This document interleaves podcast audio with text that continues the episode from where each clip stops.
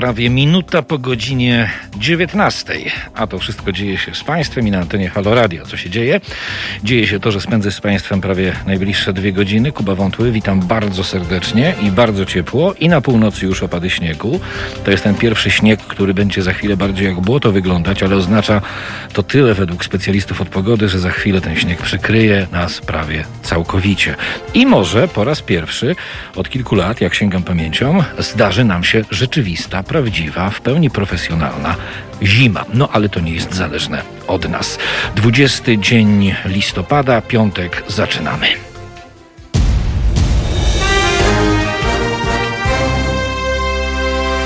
Pana Rafała, pana Barta, panią Annę, panią Ewę witam bardzo ciepło i bardzo serdecznie. Z tym ciepłem to dzisiaj będę trochę przesadzać, bo osobiście nie lubię tej pogody, e, będącej w pół kroku, e, w cały szpagat w zasadzie można powiedzieć, pomiędzy jesienią a zimą. Do najprzyjemniejszych ona nie należy. E, ale, proszę Państwa, e, myślę, że dzisiejsze dwie godziny w sposób intelektualny Państwa rozgrzeją. Postaram się dołożyć wszelkich starań, e, żeby zapotrzebowanie na mądre i merytoryczne dyskusje spełnić. I dlatego za kilka minut połączymy się z doktorą habilitowaną Elżbietą Przybył Sadowską.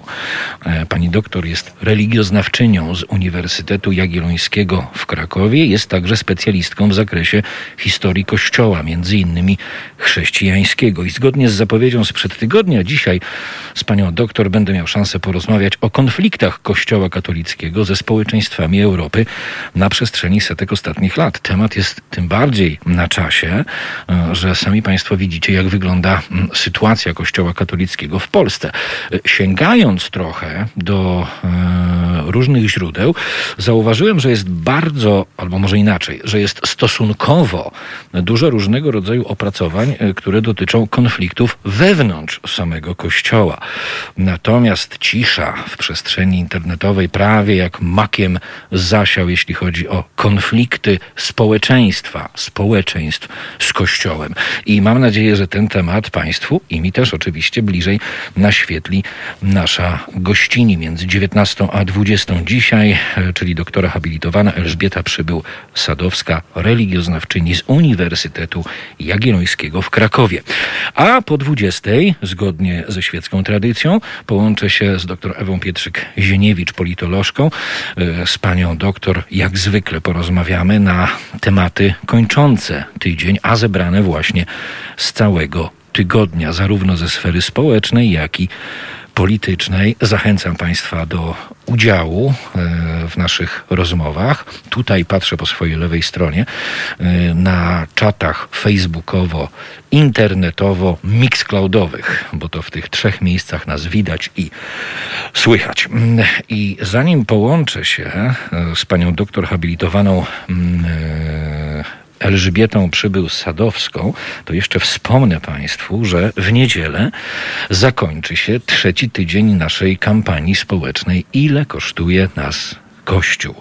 Ten trzeci tydzień e, zakończy się, e, jak dobrze mm, liczę, 20 dokładnie 2 listopada, bo od 16 do 22 listopada nasze kampanijne auto przemierza ulicę Białej Podlaskiej.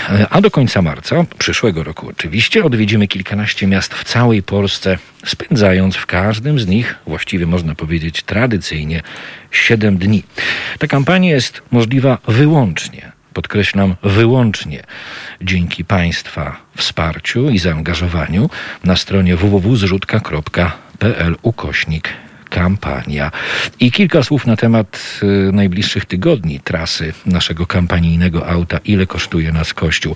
Lublin 23-29 dzień listopada, Rzeszów 30 dzień listopada, 6 grudnia, Kraków i Wadowice od 7 do 13 grudnia. Nasze auto tam będzie, a w Katowicach od 14 do 20 grudnia. E, potem przerwa świąteczno-noworoczna i nasza ciężarówka wraca na trasę już w nowym 2021 roku.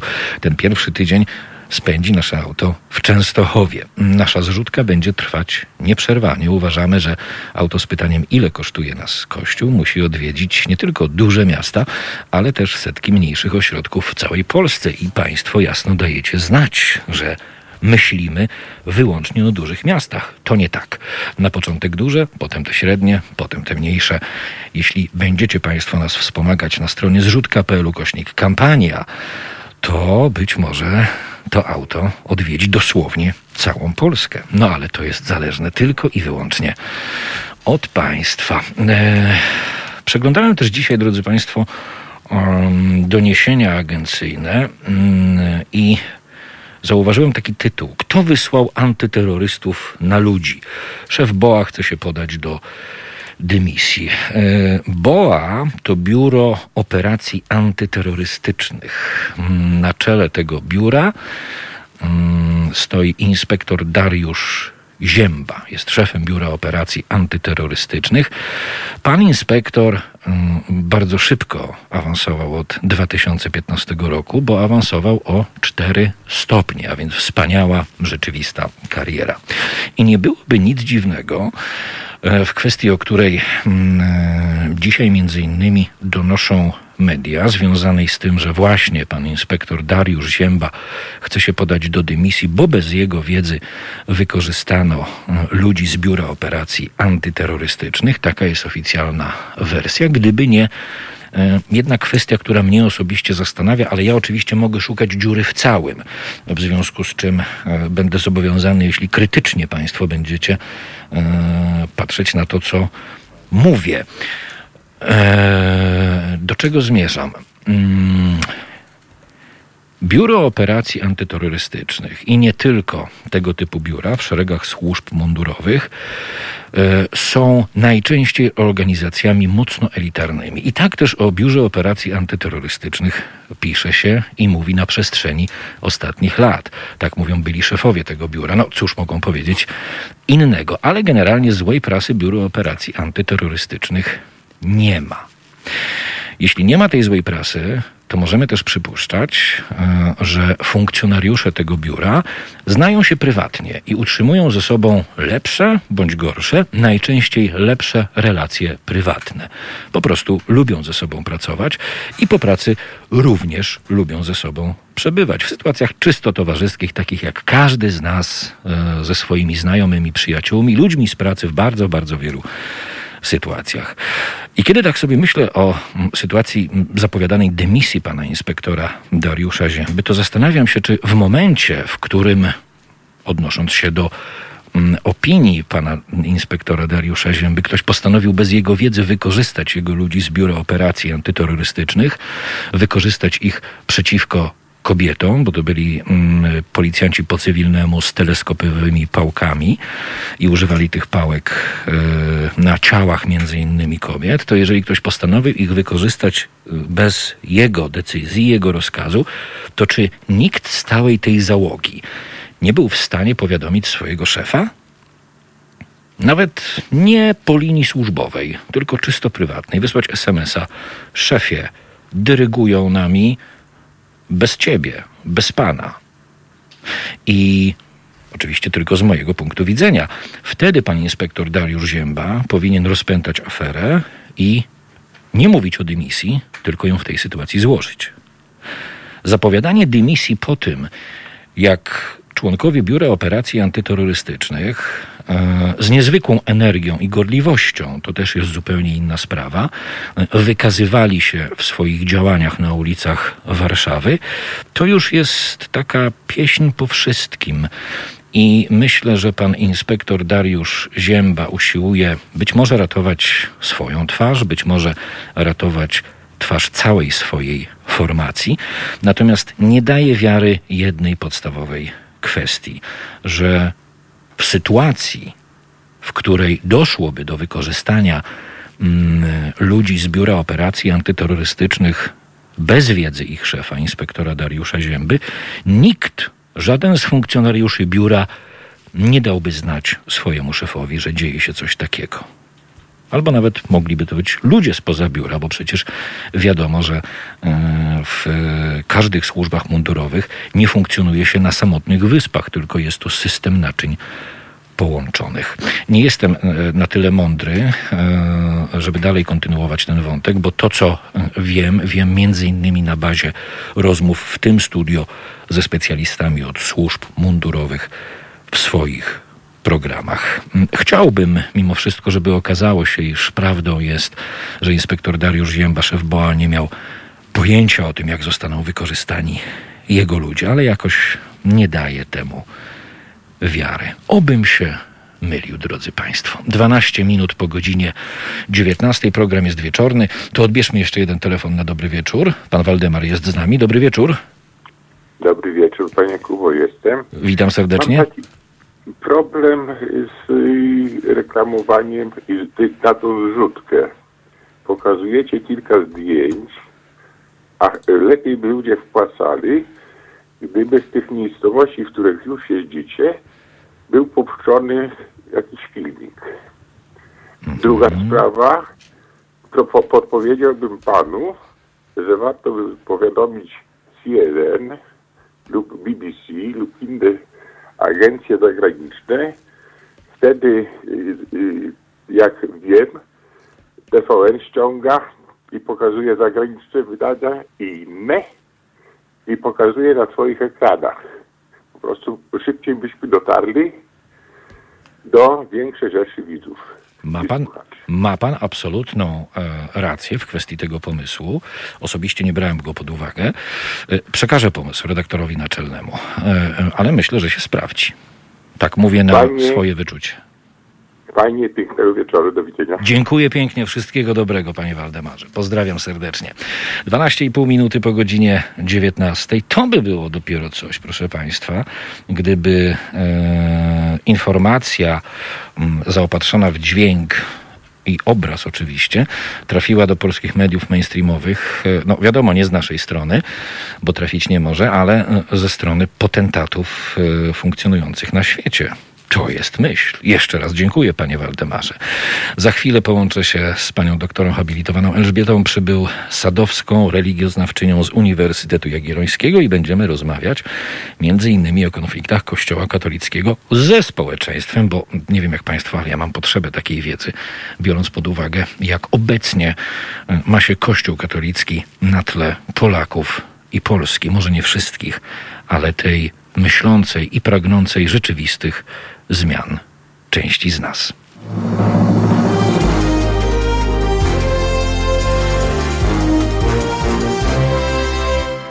To jest wieczorny program w Halo Radio na zegarach 19,5 minuty po godzinie 19. Pan Darek pisze, szanowny panie redaktorze, proponuję wymienić maseczkę na szmacianą. Ta, którą pan ma, zawiera cząstki tlenku, teflonu, przepraszam, które w połączeniu z temperaturą oddechu uwalniają się do pańskiego organizmu, powodując objawy grypopodobne. Panie Darku, dziękuję pięknie.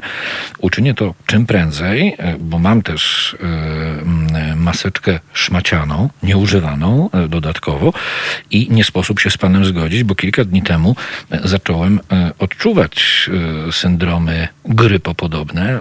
Trwało to jeden dzień na szczęście, ale być może funkcjonowanie w realiach takiej maseczki może ten proces jeszcze powtórzyć. E, Patrzę też na Państwa komentarze dotyczące e, ogólnie mm, zajść, które miały, miały miejsce e, w Warszawie, protest kobiet, policjanci po cywilnemu, teleskopowe pałki. Strasznie smutne komentarze. Wyglądali jak kibole, pisze pani Anna przerażająco. Pani Janka, im wyżej na drabinie zawodowej, tym boleśniejszy będzie upadek. A pan Kamil, kolejna formacja wykorzystana do niecnych celów. Y, To smutne, że takie konstatacje powstają w naszych głowach, ale też są one w pełni usprawiedliwione, biorąc pod uwagę, mm, jaki przebieg miały te wydarzenia i jak z punktu widzenia pewnie większości policjantów, co do tego nie mam najmniejszej wątpliwości, e, mimo iż e, tamci policjanci byli po cywilnemu, to jednak w jakiś sposób bardzo istotny splamiono mundur policyjny takim właśnie działaniem. 22 minuty po 19. Jest z nami e, pani doktora habilitowana Elżbieta Przybył-Sadowska, religioznawczyni z Uniwersytetu Jagiellońskiego w Krakowie i specjalistka w zakresie historii Kościoła, między innymi chrześcijańskiego. Dobry wieczór, witam panią serdecznie. Dobry wieczór, to ja od razu sprostuję. E, ja się specjalizuję w, e, w generalnie e, w chrześcijaństwie, co oznacza różne kościoły, nie tylko Kościół katolicki. Ależ ja nic nie mówiłem o Kościele katolickim. Ale ja tak, nic... ale o kościele chrześcijańskim. Wszystkie kościoły są chrześcijańskie.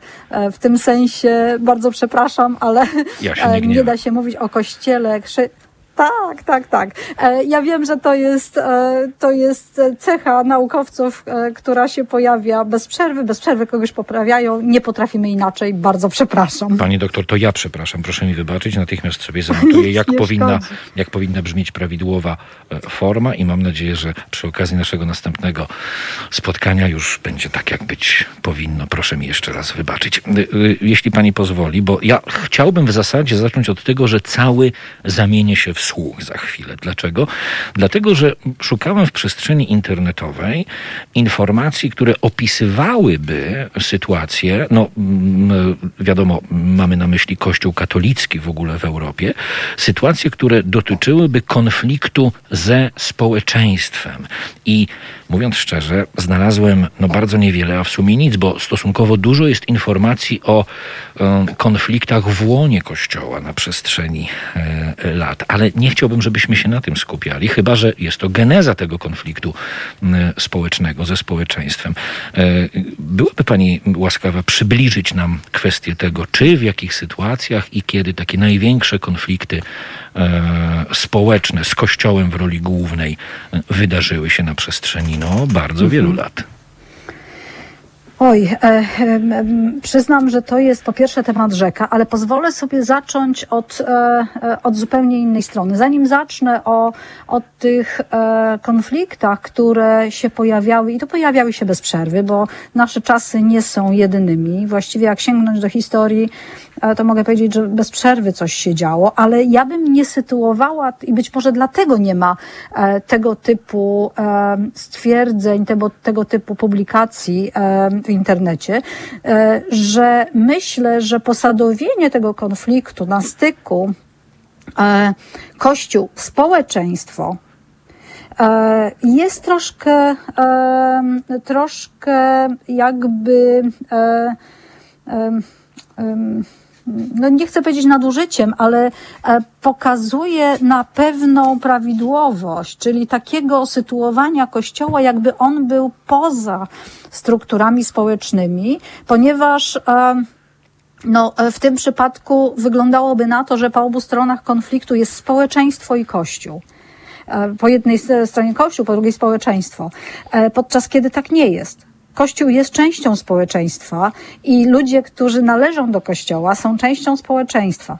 W związku z czym ten Kościół jest, e, czy ten konflikt jest wewnątrz Kościoła i on oczywiście rezonuje na całe społeczeństwo, także na tych, którzy członkami Kościoła nie są, bo są wyznawcami innych religii, ponieważ problem, z którym się e, wszyscy mierzymy, jest na tyle e, trudny, że, na tyle bulwersujący, że on dotyka wszystkich, ponieważ on dotyka on dotyka kwestii, które no gdzieś tam e, naruszają nasze, e, nasze poczucie, jakby takie, tak, taką, taką poczucie człowieczeństwa wręcz momentami, prawda? Czyli, czyli są to dość, dość, dość bulwersujące rzeczy. Natomiast to jest ewidentnie konflikt społeczny mimo tego, że źródłem jego jest Kościół. Ale jak mówiłam, Kościół jest częścią społeczeństwa i nie da się postawić między nimi między nimi granicy. A to nie możemy e... mówić, przepraszam, że wejdę w słowo, o instytucji, bo ja mhm. chyba to bardziej miałem na myśli, że mamy, insty... tak. mamy instytucję Kościoła, która na bardzo różnym tle jest w stanie skonfliktować się albo ze społeczeństwem, albo z jego częścią, bez względu na to, czy tak. mówimy o mhm. ludziach wierzących, wierzących w inną religię, czy niewierzących. Generalnie jest w stanie instytucja skonfliktować się ze społeczeństwem.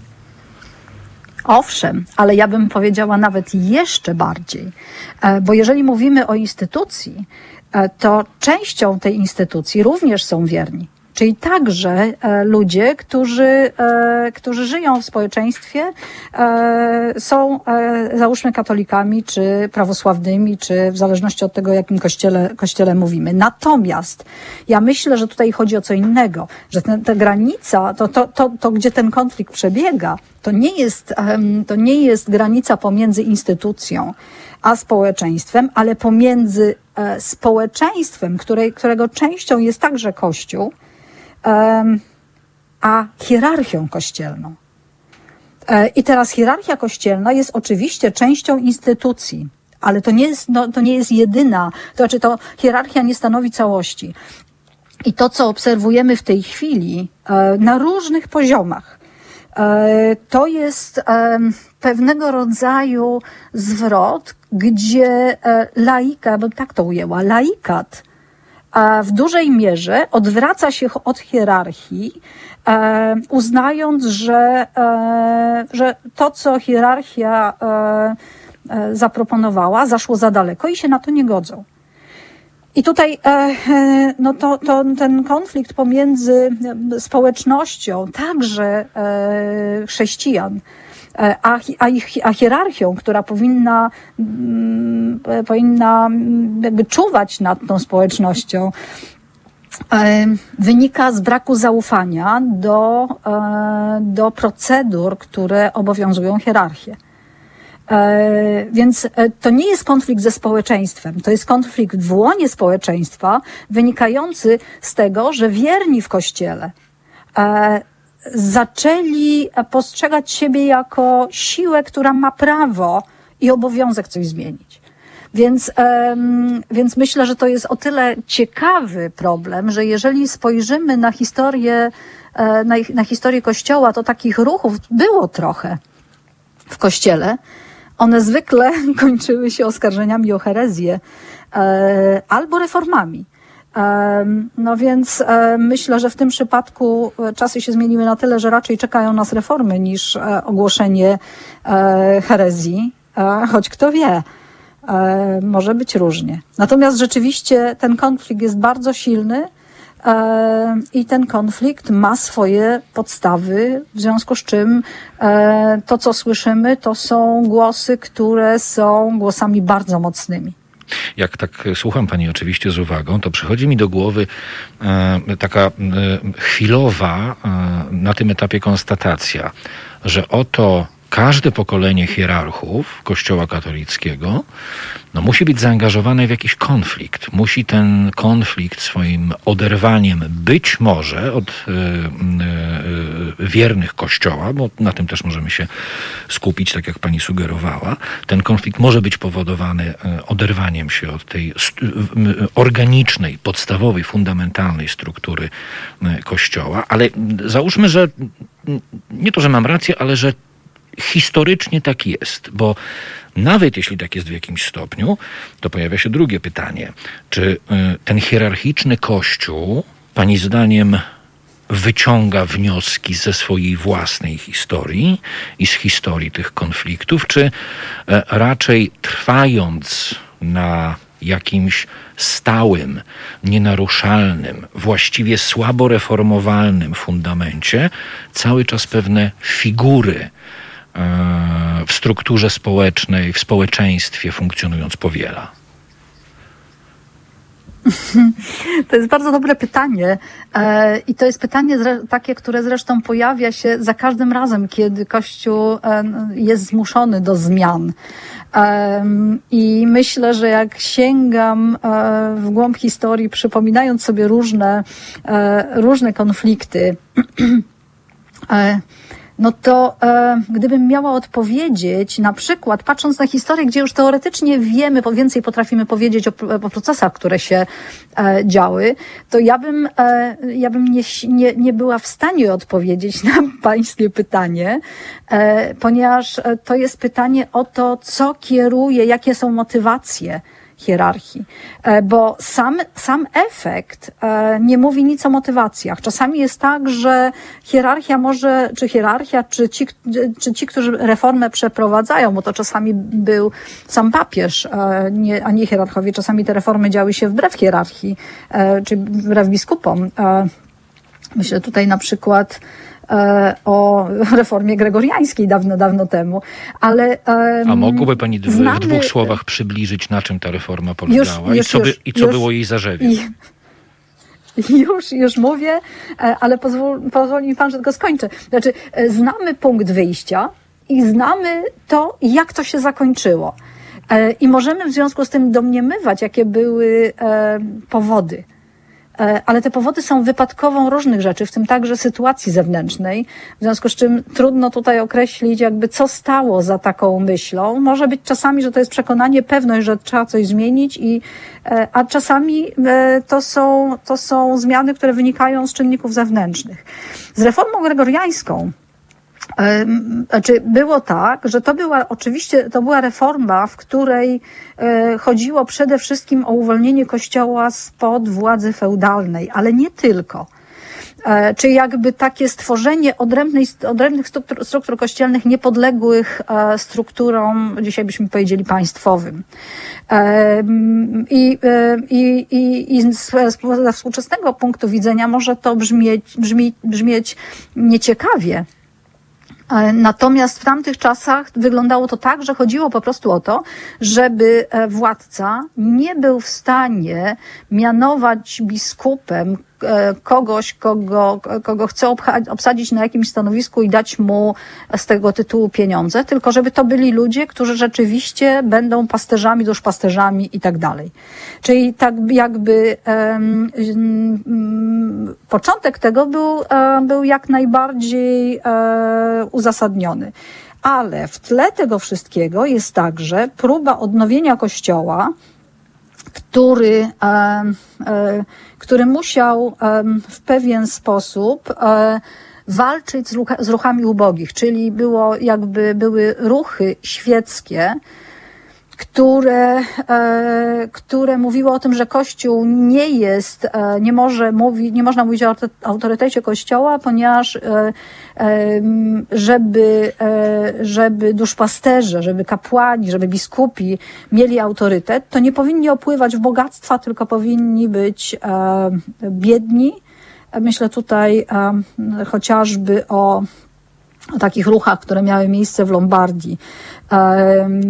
No i w związku z tym nie powinni też, e, no to jest jedna z, e, jedna, e, jeden z elementów reformy gregoriańskiej, nie powinni też używać tych swoich stanowisk, nie powinni być między innymi, być żonaci, E, czyli, e, czyli takie, taka próba stworzenia kościoła, który byłby kościołem, ja bym powiedziała, idealnym, gdzie duszpasterze są w, w, absolutnie oddani pracy duszpasterskiej, e, wierni podążają za nim, za nimi i tak dalej, i tak dalej. No tyle tylko, że to jest z punktu widzenia potężnej instytucji, jaką jest Kościół średniowieczny, E, to jest dość duży idealizm. Znaczy, wyobraźmy sobie, że e, cała Europa e, i potężne struktury kościoła, gdzie wszyscy dbają o te ideały, no znamy na tyle społeczność, społeczeństwo w ogóle, że wiemy, że czasami będą ludzie, którzy będą idealistami, a, a czasami będą tacy, którzy będą dążyli do tego, żeby w ten sposób gromadzić majątek. I to samo wydarza się w kościele. To znaczy, to znaczy, Kościół nie różni się mamy... niczym od nas. Mogę to tak rozumieć? Oczywiście. Oczywiście. Co więcej, proszę sobie wyobrazić, e, że ojcowie Kościoła potrafili mówić o Kościele, e, używając bardzo ciekawych słów. Na przykład zdarzają się takie słowa jak casta meredix, czyli nierządnica. Nierządnica. E, proszę sobie wyobrazić dzisiaj kogoś, kto powie takie, takie słowa o Kościele. E, a to byli ojcowie Kościoła. E, z bardzo prostego powodu. My mówimy bardzo często o świętości Kościoła, prawda? To, to jest jakby wpisane w, e, e, w credo. I o grzesznych e, ludziach zewnątrz. chrześcijańskie. Aha, właśnie. Tylko jak rozumieć tę świętość? Ona nie jest e, nigdzie w pismach ojców Kościoła, nie znajdziecie Państwo e, mm, czegoś takiego, że e, Kościół jest święty, dlatego że chrześcijanie jeden przez drugiego są święci. Nie, to jest ta słynna formuła, która się pojawia w tytule książki jednego z ciekawszych księży historyków e, polskich, już nieżyjącego, księdza Jana Kracika, święty Kościół grzesznych ludzi. Kościół jest święty, dlatego że wszyscy wierzą w to, że e, ma jakby stały kontakt z Bogiem, że, że jego świętość wynika ze stałej obecności Boga, ale nie ze świętości ludzi. I tutaj jest jakby te, to, ten, y, jak dla mnie, problem e, z tym, co się dzieje, jakby jak wygląda dyskusja wokół, wokół Kościoła, że gdzieś tam, nie wiem kiedy, nie jestem w stanie tego określić, że gdzieś tam pomylono świętość Kościoła tak rozumianą ze świętością rozumianą jako bezgrzeszność. Ale nie ma ludzi bezgrzesznych. Z uwagą słucham pani, e, pani doktor, i mm, przychodzi mi do głowy taka konstrukcja. Jeśli zdroworozsądkowo mamy świadomość, że Kościół, wyrzucając to dookreślenie święty, jest pełen grzesznych ludzi, to czy nazywanie go dalej świętym z tego powodu, o którym pani mówiła, chrześcijanie, w tym wypadku katolicy, upraszczając, umówili się, że Kościół jest święty, ponieważ jest depozytariuszem boskiej woli i ma z Bogiem stały kontakt. To nie jest współcześnie, e, nie zaczyna być współcześnie nadużyciem? Nadal stosowanie, nadal stosowanie tego pojęcia świętości, gdzie już możemy po raz Okej. 254 mówić o pedofilii, chociaż ja jestem zwolennikiem e, osobiście takiej teorii, e, że cała ta przemoc w kościele i wobec własnych ludzi, i wobec dzieci, ona bierze się z władzy, a władza bierze się z Oczywiście. nieograniczonych możliwości, a te nieogranic- nieograniczone możliwości powodowane są pieniędzmi. To pieniądze są tu największym problemem. Podziela pani taki pogląd? Ja bym powiedziała nawet e, jeszcze inaczej. To znaczy, e, em, pieniądze być może też, ale brak kontroli. E, No ale kto ma kontrolować, skoro Kościół to- sam walczył, mówiła pani o tym, o, uniezależnienie się od władzy świeckiej. To któż miałby ten Ale Kościół kontrolować? Już, już, już panu powiem. E, to jest jakby. Po, poz, pozwoli pan, że panu e, po, opowiem to troszkę na e, około. Absolutnie tak. E, Proszę sobie wyobrazić, że w historii Kościoła co róż pojawiały się spory teologiczne. To były spory dotyczące kwestii doktrynalnych, na przykład o to, o to jak wygląda Trójca Święta, jak, czy Maria jest matką Boga, czy też matką człowieka. I historia Kościoła, jeśli ją czytać tak, tak jakby e, w tym takim e, toku historycznym, czyli e, co następowało po sobie, pokazuje rzecz bardzo ciekawą. Otóż w chwili, kiedy uznawano coś, jakiś pogląd za ortodoksję, czyli za, za pogląd prawowierny, to zwykle kilkanaście albo kilkadziesiąt lat później przesadzona, czyli taka zbyt mocno dookreślona doktryna była uznawana za herezję. E, rozumie pan, w czym rzecz? Tak, a mogę to odnieść, nie będąc fachowcem, do y, naszej rzeczywistości, bo pierwsze, co mi przyszło do głowy na skutek tego, co pani powiedziała, to ten rozprzestrzeniony w Polsce kult maryjny. To, to, jest, to jest Ale to, kandydat. e, proszę- to jest kandydat na herezję w przyszłości? Nie. Nie, okej. Znaczy, e, w pewnym sensie może być, tak, bo to, tu, są, tu, tu pewne rzeczy mogą się wydarzyć, które, e, które będą dziwne, ale, ale kandydat na herezję, znaczy póki Kościół nie określi, co jest herezją, a co nie, no to, e, no to jest trudno wyrokować, co nią będzie, Jasne. a co nie, bo no bo naprawdę bywało, bywało z tym różnie. Natomiast rzecz polega na czym innym. Jakby odnosząc się do tego, e, o czym mówiłam przy reformie gregoriańskiej, w tamtych czasach ten ruch był bardzo potrzebny. Ale w tej chwili zmagamy się z tym, że on po tylu wiekach zaczyna być przesadzony, bo świat się zmienił. I to, ta, ta niezależność od władzy świeckiej wtedy, ja nie chcę mówić o tym, że Kościół powinien być zależny od władzy świeckiej, ale powinien mieć mechanizmy kontroli, które nie są wyłącznie mechanizmami wewnętrznymi, czyli nie, nie wyłącznie mechanizmami e, opartymi na hierarchii kościelnej. Czyli hierarchia nie może sama siebie oceniać. E, te próby, próby zmiany tego już były delikatnie wprowadzane. Sobór Watykański, gdzie pojawili się świeccy, był takim pierwszym sygnałem, ale wydaje się, że zmiany w świecie idą bardzo szybko, a Kościół trochę za nimi nie nadąża. Ale też, żeby nie było, żeby nie było wątpliwości, to ja po, po, powiem Państwu i powiem Panu jeszcze jedną rzecz.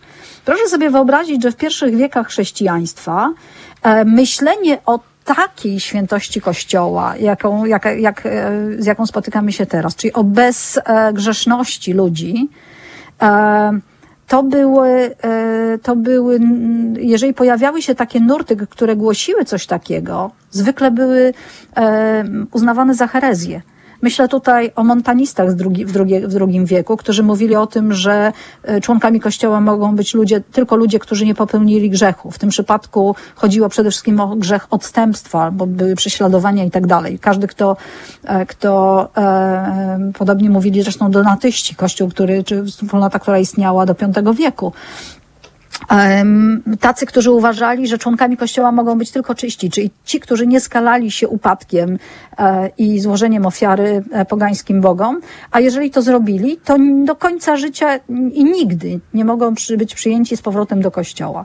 I teraz proszę sobie, proszę sobie wyobrazić, bo to jest tak, że my rozmawiamy padło tutaj pytanie, czy dalej możemy mówić o świętości Kościoła. To ja sobie pozwolę sięgnąć do czegoś, co jest tekstem e, najważniejszym, w, jeżeli chodzi o historię Kościoła, czyli do Nowego Testamentu. E, proszę sobie e, uzmysłowić, że jedyna osoba, jedyna, która na kartach Nowego Testamentu słyszy od Jezusa, że będzie w raju z Jezusem, to nie jest apostoł. To nie jest matka Jezusa. Wie pan kto? Nie wiem, pani doktor. Jeszcze dziś będziesz ze mną w raju. Łotr, człowiek skazany na śmierć za przestępstwo. I jak ma się to do naszej wizji świętości Kościoła jako świętości ludzi, bezgrzeszności ludzi? E, Kościół nigdy, nigdy nie mówił, że ludzie są bezgrzeszni, tylko że mogą się poprawić, mogą się naprawić. I to jest właśnie, e, to jest właśnie klucz tego wszystkiego. E, tak jak mówiłam, ja nie wiem, kiedy pojawiła się taka myśl, że świętość Kościoła to jest bezgrzeszność ludzi, ale to jest, jak mówię, to jest coś, co jest uznane za herezję z punktu widzenia Kościoła, i to od samego jego początku, myślenie o tym, kim jest człowiek, to jest myślenie o tym, że jest to człowiek grzeszny, który potrzebuje nawrócenia, potrzebuje pokutować za grzechy e, i potrzebuje się zmieniać. Ja bym teraz, jeśli pani pozwoli, pani doktor, bo też patrzę na komentarze naszych słuchaczek i słuchaczy, i one nas, te komentarze, delikatnie próbują e, w rozumieniu części tych komentarzy sprowadzić. No nie boję się tego powiedzieć, proszę mi wybaczyć, ale bardziej to odnoszę do siebie w tym momencie.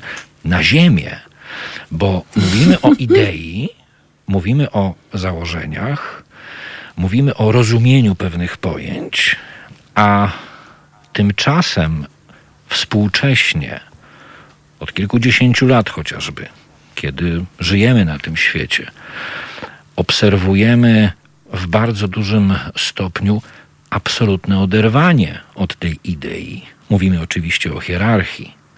Niektórzy na przestrzeni ostatnich lat e, kusili się o stwierdzenia, że oto w Polsce e, mamy podział tego kościoła na, na łagiewnicki, na toruński. Jakbyśmy chwilę zatrzymali się, jeśli pani pozwoli, e, przy kościele toru, toruńskim, bo mamy dużo czasu, e, ale ten czas też jest ograniczony, czego bardzo żałuję, ale myślę, że to mam nadzieję, jeśli chodzi o pani łaskawość, dopiero pierwsze nasze spotkanie. Natomiast ja bym, ja bym na chwilę w tym Toruniu się e, zatrzymał. Czy mm, to, co organizuje od lat w Toruniu ojciec Tadeusz Rydzyk, to jest pani zdaniem, może nie na obecnym etapie, może w niedalekiej, może w dalszej przyszłości, powód do tego, żeby mówić o rozłamie w polskim kościele, czy też jest to pewien naturalny nurt e, w kościele w rozumieniu e, osób, które są bardziej konserwatystami i demokratami. No to w Toruniu mamy do czynienia z konserwatystą współczesnego kościoła. E, To bę- Albo nowatorem. Albo, Przepraszam. Tak, ale, ale ma pani całkowitą rację, pani doktor. Tak, że też o tym nie pomyślałem. Bo ta konserwatywna forma być może w perspektywie czasu może okazać się na przykład nową drogą Kościoła. Ale to już pani głos oddaję, bo ja to sobie mogę gdybać. No, to znaczy pytanie jest trudne, ale też jakby spojrzenie na historię i znowu będzie tak, że ja jestem idealistką, ale bardzo za to przepraszam. Ja się nie Natomiast gniewam, Perspektywa, absolutnie. pe, perspektywa historyczna jest stosunkowo prosta. To znaczy, perspektywa, znaczy to, co my mamy w tej chwili, to jest taki obraz Kościoła, taki chcielibyśmy mieć obraz Kościoła, jako, e, jako wspólnoty, która jest jednością prawda? Czyli taką, któ- takiej, która zgadza się co do wszystkiego. Ale drodzy Państwo, nigdy tak nie było. E, że znowu sięgnę po Nowy Testament. Przypomnijcie sobie Państwo dyskusję apostołów, kto ma siedzieć po prawicy albo, albo po lewicy Jezusa, w, e, prawda? E, I co się dzieje wtedy?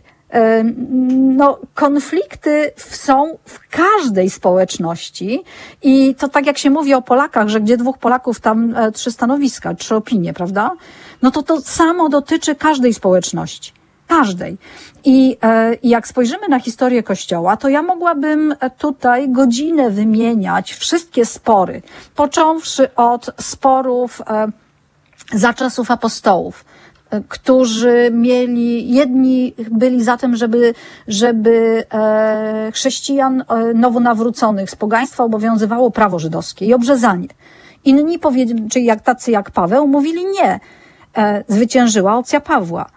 Kościół judeo-chrześcijański jeszcze całe wieki funkcjonował. I, i, I jakby te wspólnoty funkcjonowały jakby obok siebie. E, Potem mamy grupy, grupy gnostyckie, których była cała masa i e, siła hierarchii e, w pewien sposób tworzy się w ten sposób, że to hierarchowie mówili wiernym, które nauczanie, która interpretacja jest prawdziwa, ponieważ powoływali się na to, że mają to nauczanie e, od apostołów. Potem pojawiły się nurty, które mówiły, że tylko Kościół czysty jest tym, właściwym. Potem zaczęły się spory teologiczne o to, czy Jezus jest takim samym Bogiem jak Bóg Ojciec. E, I jak wyglądają natury w Jezusie. Czy jest więcej, e, czy jest w Jezusie więcej Boga, czy więcej człowieka? I jak, jakie są między tym proporcje?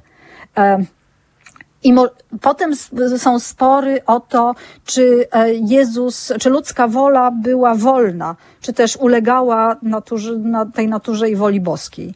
E, I tak możemy, ja, ja proszę mi wierzyć, że ja w tej chwili nie wyszłam poza V-VI wiek. I tylko te najważniejsze spory, które funkcjonowały w Kościele. I e, e, dlaczego myślimy, że naraz w XX wieku miałoby się to skończyć? Bo co? Bo ludzie naraz stali się doskonali i zaczęli być e, tacy jednomyślni. No właśnie, ale może nie. Nie. skończyć, pani doktor, może nie skończyć, bo y, cały czas słucham pani z uwagą, bo ja y, uczę się zupełnie nowych rzeczy słuchając pani. Gdzieś poszczególnych wątków e, w życiu, nazwijmy to sobie, nie chcę przesadzać, intelektualnie liznąłem, e, ale generalnie, proszę Państwa, mam nadzieję, że Wy również podzielacie moją opinię.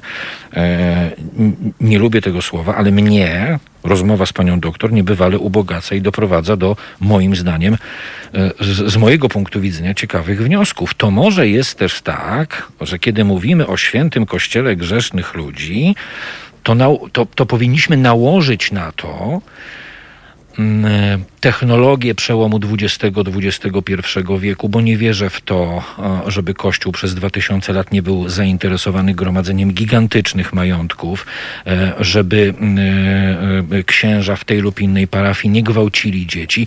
Czy to jest tak, że może na skutek globalizacji, globalnej informacji, tej wioski, w której w tej chwili wszyscy funkcjonujemy, mamy dostęp do informacji, do których z perspektywy dwóch tysięcy lat po prostu dostępu nie było, ale to wszystko się działo. Oczywiście, że się działo e, i oczywiście, że aż takiego dostępu do informacji nie było, ale też proszę mi wierzyć, że działo się i inaczej. To znaczy, E, żebyście mnie Państwo dobrze zrozumieli, że ja tu nie chcę namawiać e, wiernych do tego, żeby wzięli kosy do ręki i poszli e, rozprawić się z proboszczem. Ale, ale zdarzało się w historii tak, że lud nie wytrzymywał swoich biskupów. I um, no, podam jeden drastyczny przypadek, nie z kościoła katolickiego, choć myślę, że jakbym się postarała, to w, wyciągnęłabym z pamięci podobne przykłady. E, jest taki kościół, kościół, który się, to jest e, kościół asyryjski, e, kościół, który funkcjonował w Persji, bardzo ciekawy kościół, odkryty tak naprawdę na nowo w XIX wieku i, e, i wszyscy badacze zachodni w tym XIX wieku byli nim zafascynowani, ponieważ okazało się, że chrześcijanie w tym kościele mówią językiem aramejskim, czyli takim, jak mówił Jezus. Jezus tak. E, I e, proszę sobie wyobrazić, że w tym kościele był sobie taki biskup, nazywał się Barsauma, e, który w, na przełomie V-VI wieku mniej więcej miał pomysł na takie reformy kościoła i w ogóle sobie poczynał trochę jak taki szlachetka, bym powiedziała nawet, prawda? Niemal jak władca udzielny. A ponieważ robił rzeczy straszne, także od strony moralnej, to w końcu jego, właśnie, jego wierni nie wytrzymali. E, no i, i strach, e, strach o tym mówić, ale zamordowali swojego biskupa. I też znowu proszę nie myśleć, że ja tu namawiam do mordów, nie, bo nic no, z tych rzeczy. Ale, ale chcę powiedzieć, że zwłaszcza w kościele zachodnim od czasów feudalnych, bo nie było tak w kościele starożytnym, E, władza hierarchii stała się e, władzą dominującą. jakby e, ta dominacja nad wiernymi, nad laikatem zaczęła być taka, że, do tej, że w tej chwili nam się wydaje, że Kościół to jest hierarchia. Nie my, nie wierni, prawda? Natomiast całe, całą starożytność, ale i też są takie kościoły, gdzie faktycznie w wielu przypadkach i do dzisiaj tak jest E, o wielu sprawach stanowią wierni. I to dotyczy, to dotyczy na przykład uznania świętości. No, w przypadku, to jest oczywiście, ja zaraz rozpętam kolejną dyskusję. E, w przypadku e, kanonizacji Jana Pawła II, ona się zaczęła od tego krzyku Sancto Subito prawda?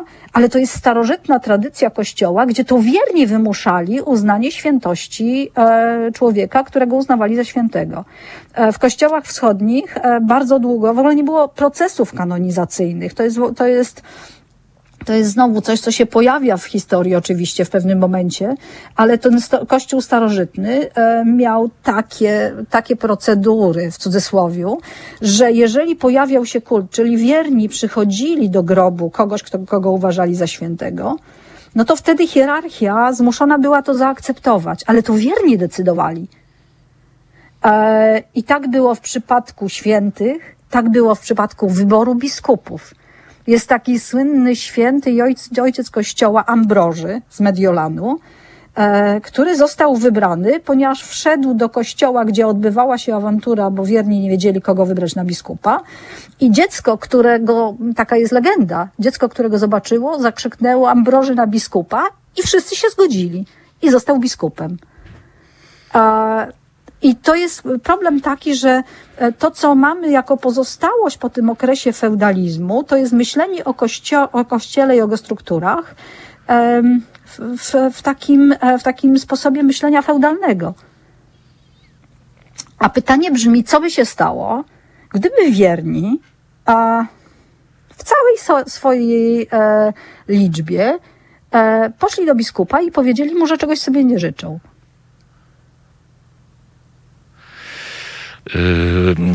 To, to nie jest oczywiście pytanie do mnie, ale czuję się wywołany do odpowiedzi, bo już oczami wyobraźni widzę coś, co mi, jako osobie niewierzącej, yy, jako osobie, która w pełni yy, wspiera akcję yy, od trzech tygodni, yy, czyli nasza ciężarówka jeżdżąca po Polsce i yy, mówiąca, ile kosztuje nas Kościół, bo taką akcję prowadzimy, tak się pochwalę, jeśli pani pozwoli.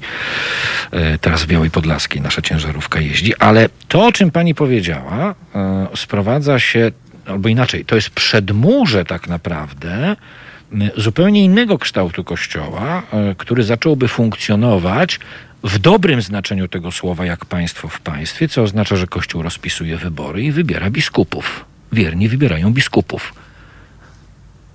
To nie jest tak, że Kościół wy, e, rozpisuje wybory. E, Znaczy ja wiem, To że tak jest nie jest, tak, ale, że- ale mówimy, ale nie, nie, mówimy. nie, nie, ja nie. mówię, że tak jest. Nie, proszę mi pozwolić. Nie, to jest inaczej. Znaczy, mówimy w, w przypadku Kościoła starożytnego, mówimy o małych wspólnotach, gdzie wszyscy się znali. Wiedzieli o tym, kim jest ten, ta osoba wybierana na biskupa. Ja rozumiem, tylko ja mówię o współczesności, o tej globalnej wiosce. E, o tym, że bardzo często w naszej rozmowie pani podkreśla, z czym ja się całkowicie zgadzam, że Kościół to nie tylko hierarchia, to przede wszystkim ludzie Kościoła, to laikat.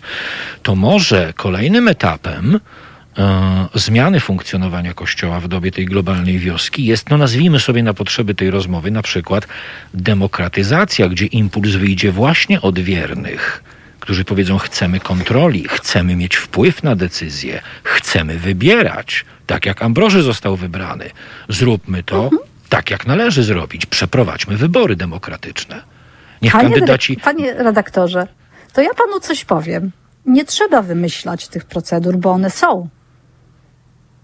To znaczy. One są, tylko że pytanie, czy proszę sobie wyobrazić, że Kościół prawosławny ma taką formułę, że jak jest wybierany biskup, jest kandydat na biskupa, to przed jego kons- konsekracją, e, w chwili, kiedy stoi w, w katedrze e, i ma objąć swoją stolicę biskupią, e, to wierni są pytani o, proszę, są poproszeni o wyrażenie zgody.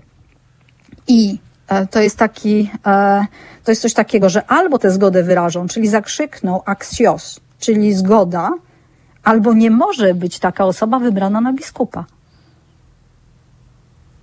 My, e, czy Kościół ma te procedury, tylko em, no w pewnym sensie, e, w pewnym sensie, jak mówię, ten, e, ten proces feudalizacji kościoła e, sprawił, że one zostały zarzucone i zapomniane.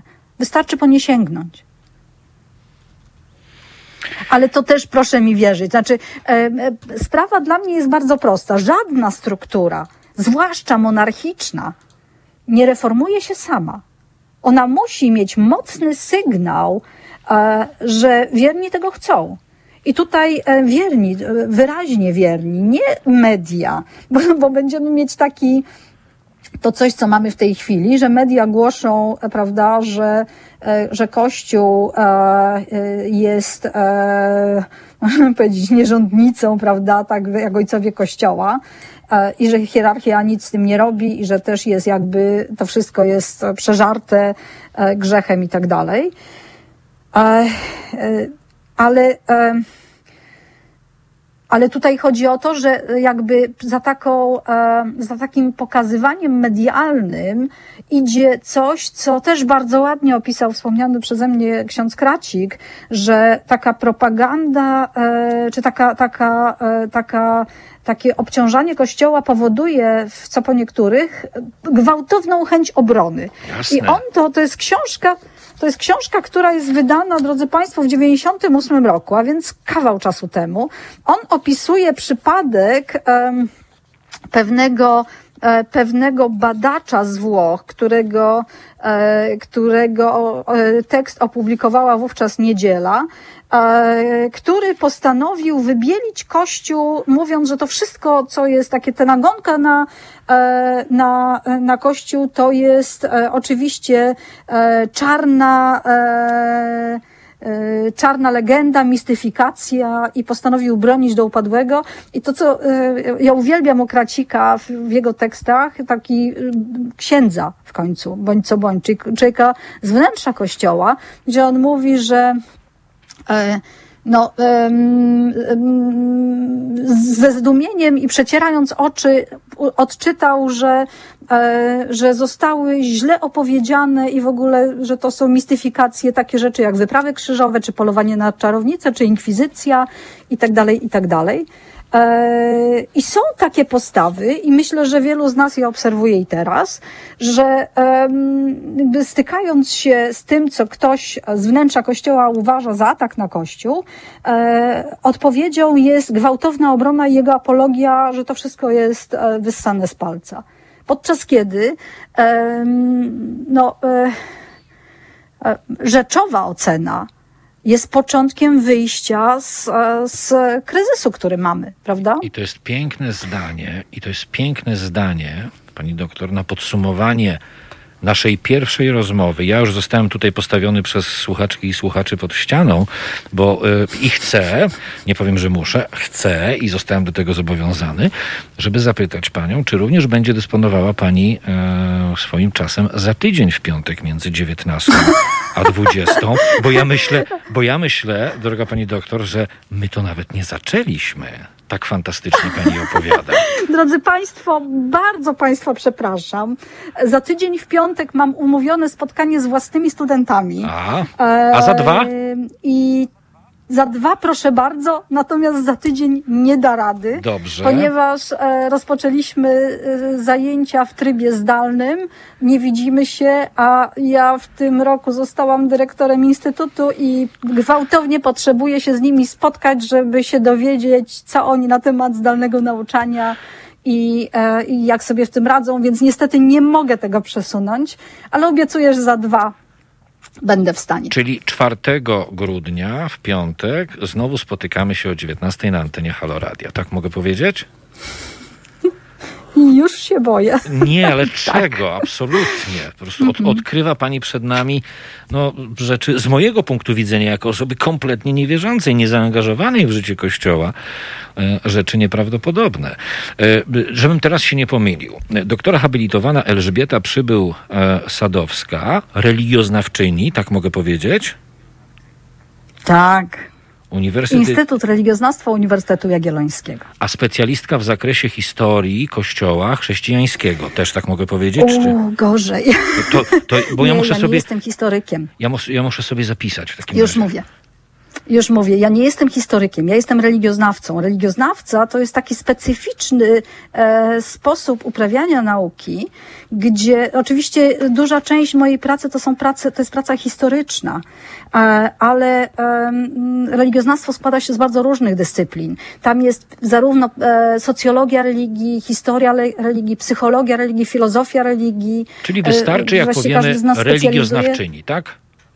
O tak, tak będzie najbezpieczniej, bo jak się historycy dowiedzą, że ja się podszywam pod historyka, to um, mogą mnie zlinczować. Myślę, że tak źle nie będzie.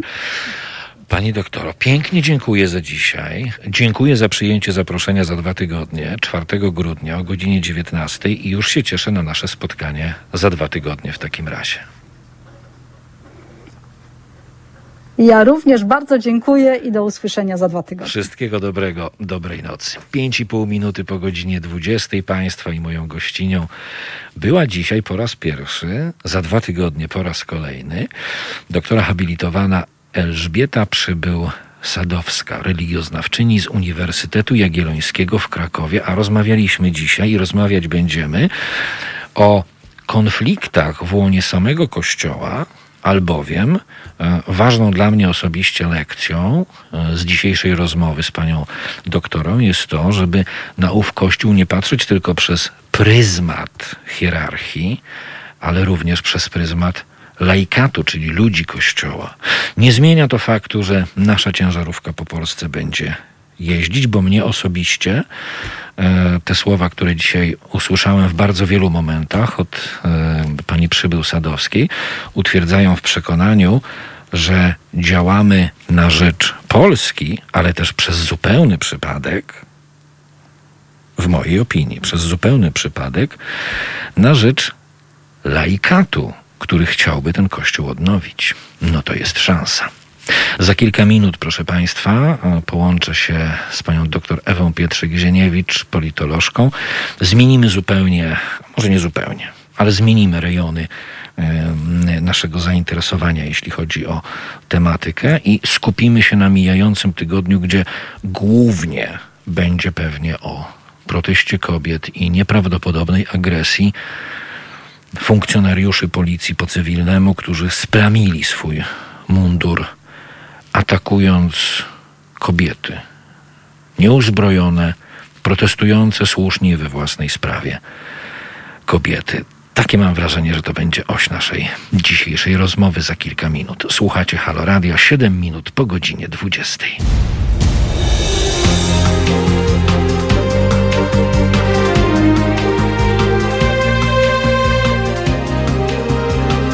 Halo Radio. Na zegarach 13 minut po godzinie 20 program jest piątkowy i wieczorny. Oczywiście w Halo Radio. I zgodnie z zapowiedzią, miło mi jest niezmiernie powitać panią profesor Ewę Pietrzyk-Zieniewicz, politolożkę, z którą mam przyjemność spotykać się na antenie Halo Radia co tydzień w piątek po godzinie 20. Dobry wieczór, pani profesor. Dobry wieczór, panie redaktorze, dobry wieczór państwu. Pani Jestem. profesor, to no, cieszę się bardzo. To ja już oddaję właściwie pani głos. Zadając pytanie właściwie, które no, chyba będzie retoryczne. Cóż to w minionym tygodniu przykuło pani największą uwagę? Ojej, rzeczywiście, panie redaktorze, można by nawymieniać, więc cóż to? Oczywiście y, protesty na ulicach Warszawy i to, co się dzieje, to, co się na nich działo, y, sposób y, reakcji władzy na owerz, ale jednocześnie to, co działo się w parlamencie, bo na Boga żywego nie sądziłam, że aż tak dziać się może. No i powinno być jeszcze pytanie, któż to? No bo był też bohater indywidualny, oczywiście i rzecz jasna pan prezes Kaczyński, który oprócz tego, że dokonał autoprezentacji, jaka na pewno będzie opisywana w literaturze przedmiotu, to jeszcze w dodatku, no przepraszam, że tak to ujmę, bezprzykładnej denuncjacji tej władzy, której wszak jest członkiem, już w tej chwili formalnie jako wicepremier, twierdząc, że kiedy w Polsce będzie, kiedy Polska będzie państwem prawa, to, no już mniejsza o to, co dalej, ale jeżeli dopiero będzie, to to znaczy, że nie jest, Czyli innymi słowy, mamy do czynienia z jakimś wielkim ugarstwem władzy, która cały czas nas zapewnia, że Polska jest tym państwem prawa, a jednocześnie dość ciekawie się układa do yy, co do zastrzeżeń, tak komplementarnie do zastrzeżeń Unii Europejskiej, która, która ma zastrzeżenia do tego właśnie, że coś z tym państwem prawa u nas nie tak. No i narobiło się, panie redaktorze, no można by tak wymieniać jeszcze, no bo doszły sprawy dodatkowe, więc powiem tylko coś o sobie, tak prywatnie mogę? Zawsze. Młode lata mi się redaktorze przypomniały. Pan tego wiedzieć nie może, ale ja y, właśnie młode moje studenckie czasy, no, brałam udział w manifestacjach, które y, tak traktowała milicja naówczas jeszcze. No, ale panie redaktorze, to było w epoce słusznie minionej, przypominam. I, I o to się Polska biła, żeby już nigdy tak nie było, nieprawdaż? No to ja troszkę skontruję. właśnie- To ja troszkę skontruję. Tak? To czy i co pani zdaniem dzieje się z Jarosławem Kaczyńskim w takim razie, bo to już nie są zwarte szeregi Prawa i Sprawiedliwości, które przyklaskują prezesowi, ilekroć ten pochukuje z mównicy sejmowej. E, Nie mam na myśli w tej konkretnej sytuacji jakiegoś e, większego czy mniejszego rozłamu, ale samą kondycję prezesa e, Kaczyńskiego, który wydaje się coraz ostrzej postrzegać rzeczywistość i za chwilę chyba, tak sobie myślę, nie będzie można mówić o oblężonej twierdzy, tylko o oblężonej wieży, w której to dzierży sztandar zwycięstwa, prawości i sprawiedliwości jeden człowiek, Jarosław Kaczyński. Tak. Panie redaktorze, nie bez przyczyny powiedziałam, że młode lata mi się przypominają, bo tak jak wtedy byłam elementem, prawda, bądź jak kto inny chciał, no, yy, jedną z tych młodych tam z, zdezorientowanych i otumanionych przez jakichś jakichś dziwnych osobników typu Kuroń Michnik czy Mozelewski i stąd ci młodzi tam znajdowali się na ulicach, no naprawdę, bo dzisiaj też to są protesty młodych, o czym pewnie jeszcze chwilę porozmawiamy. A kondycja pana prezesa, a to jest tutaj ciekawa sprawa. Wie pan, ja już tam gdzieś tam jak o, bo już omawiałam rzecz, no bo cały czas o tym przecież mówimy, prawda? I, i, na, i po domach, i, i oficjalnie, no w robocie o tyle nie, bo do niej nie chodzimy, ale za to przez internet. Owoż coś się stało. Jarosław Kaczyński ma prawo być zirytowany, ba powiem wściekły. Pęka na naszych oczach mit człowieka nieomylnego, bo on dla swoich do tej pory był o tyle nieomylny, że to, co prezes powiedział, to było prawem, no niemalże jak Demiurg działał. A tu się okazuje, że w PiSie mu się postawili. No i normalniej w świecie. No, że ostatecznie nie dotrwali, że, yy, że, że, że podwinęli, no mniejsza o to, co podwinęli, ale że wrócili w ramiona prezesa. Dobrze, ale pokazały się zwiastuny. Więc wcześniej koalicjanci, Zresztą powiedziałabym, że nieszczególnej odwagi cywilnej, stąd wolno sądzić, że, że obliczyli te swoje takie no niezgadzania się. Słabiej pan Gowin, no bo generalnie słabszy i siedzący okrakiem na barykadzie, mocniej pan Ziobro, to to nas wszystkich zadziwiło, ale jakoś tak stawiający sprawę, ja odczytam to, co niedopowiedziane. Jeśli to nie ja będę delfinem, to, to ja ci rozwalę to wszystko. No naprawdę zaczyna się jakoś tak dziać. No i ostatecznie pan prezes przestał być tym nieomylnym, no bo tam musiał y, jeszcze porozmawiać z resztą tych posłów, których zawiesił był i musiał odwiesić i to szybciutko.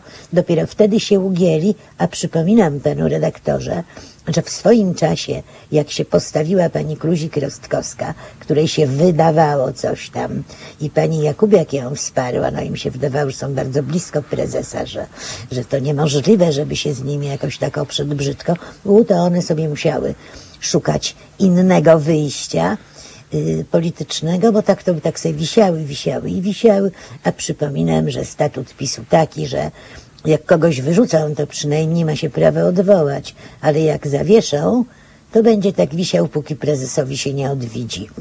I wtedy tak to było, a teraz jednak trzeba było pomediować, więc pan prezes traci nerwy, a że traci nerwy to widać, a ponieważ już nie najmłodszy, a jak wiadomo, no, im jesteśmy starsi, postaram się łagodnie to powiedzieć, tym więcej w nas różnych zmian zachodzi, również i w sferze y, psychicznej, no to zaczyna być widać i frustrację, i irytację, i no coś, co nie chcę użyć.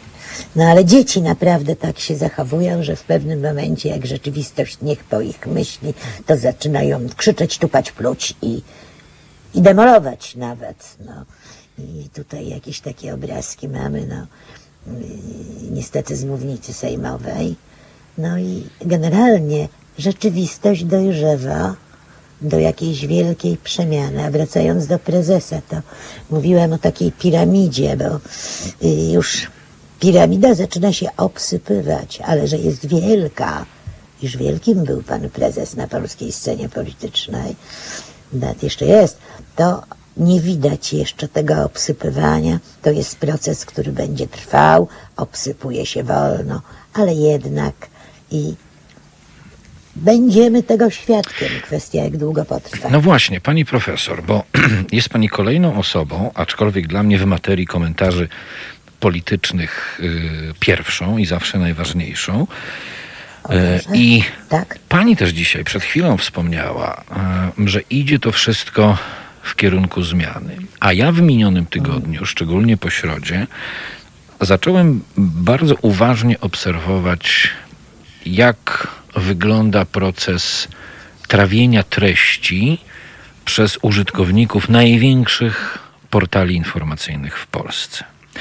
I zanim przeczytam pani e, kilka zdań, które będą konstatacją tego procesu trawienia, to najpierw powiem tak. Ja mam wrażenie, mogę się mylić, dlatego rozmawiam z panią, y, że oto i skala tych protestów, i protesty zarówno angażują, jak i interesują bardzo wąską grupę ludzi, bo to protestujący i ci, którzy im sprzyjają. Na dowód tego właśnie teraz na żywo odpaliłem sobie jeden z serwisów, y, z których korzystam, miast papierowych gazet, kwestia ekologii, Interia. I to jest taka zakładka, trzeba kliknąć najpopularniejsze wiadomości, tyle, czyli te, które cieszą się największą poczytnością. W kolejności przeczytam lidy, jeśli pani pozwoli, pani profesor i państwo też.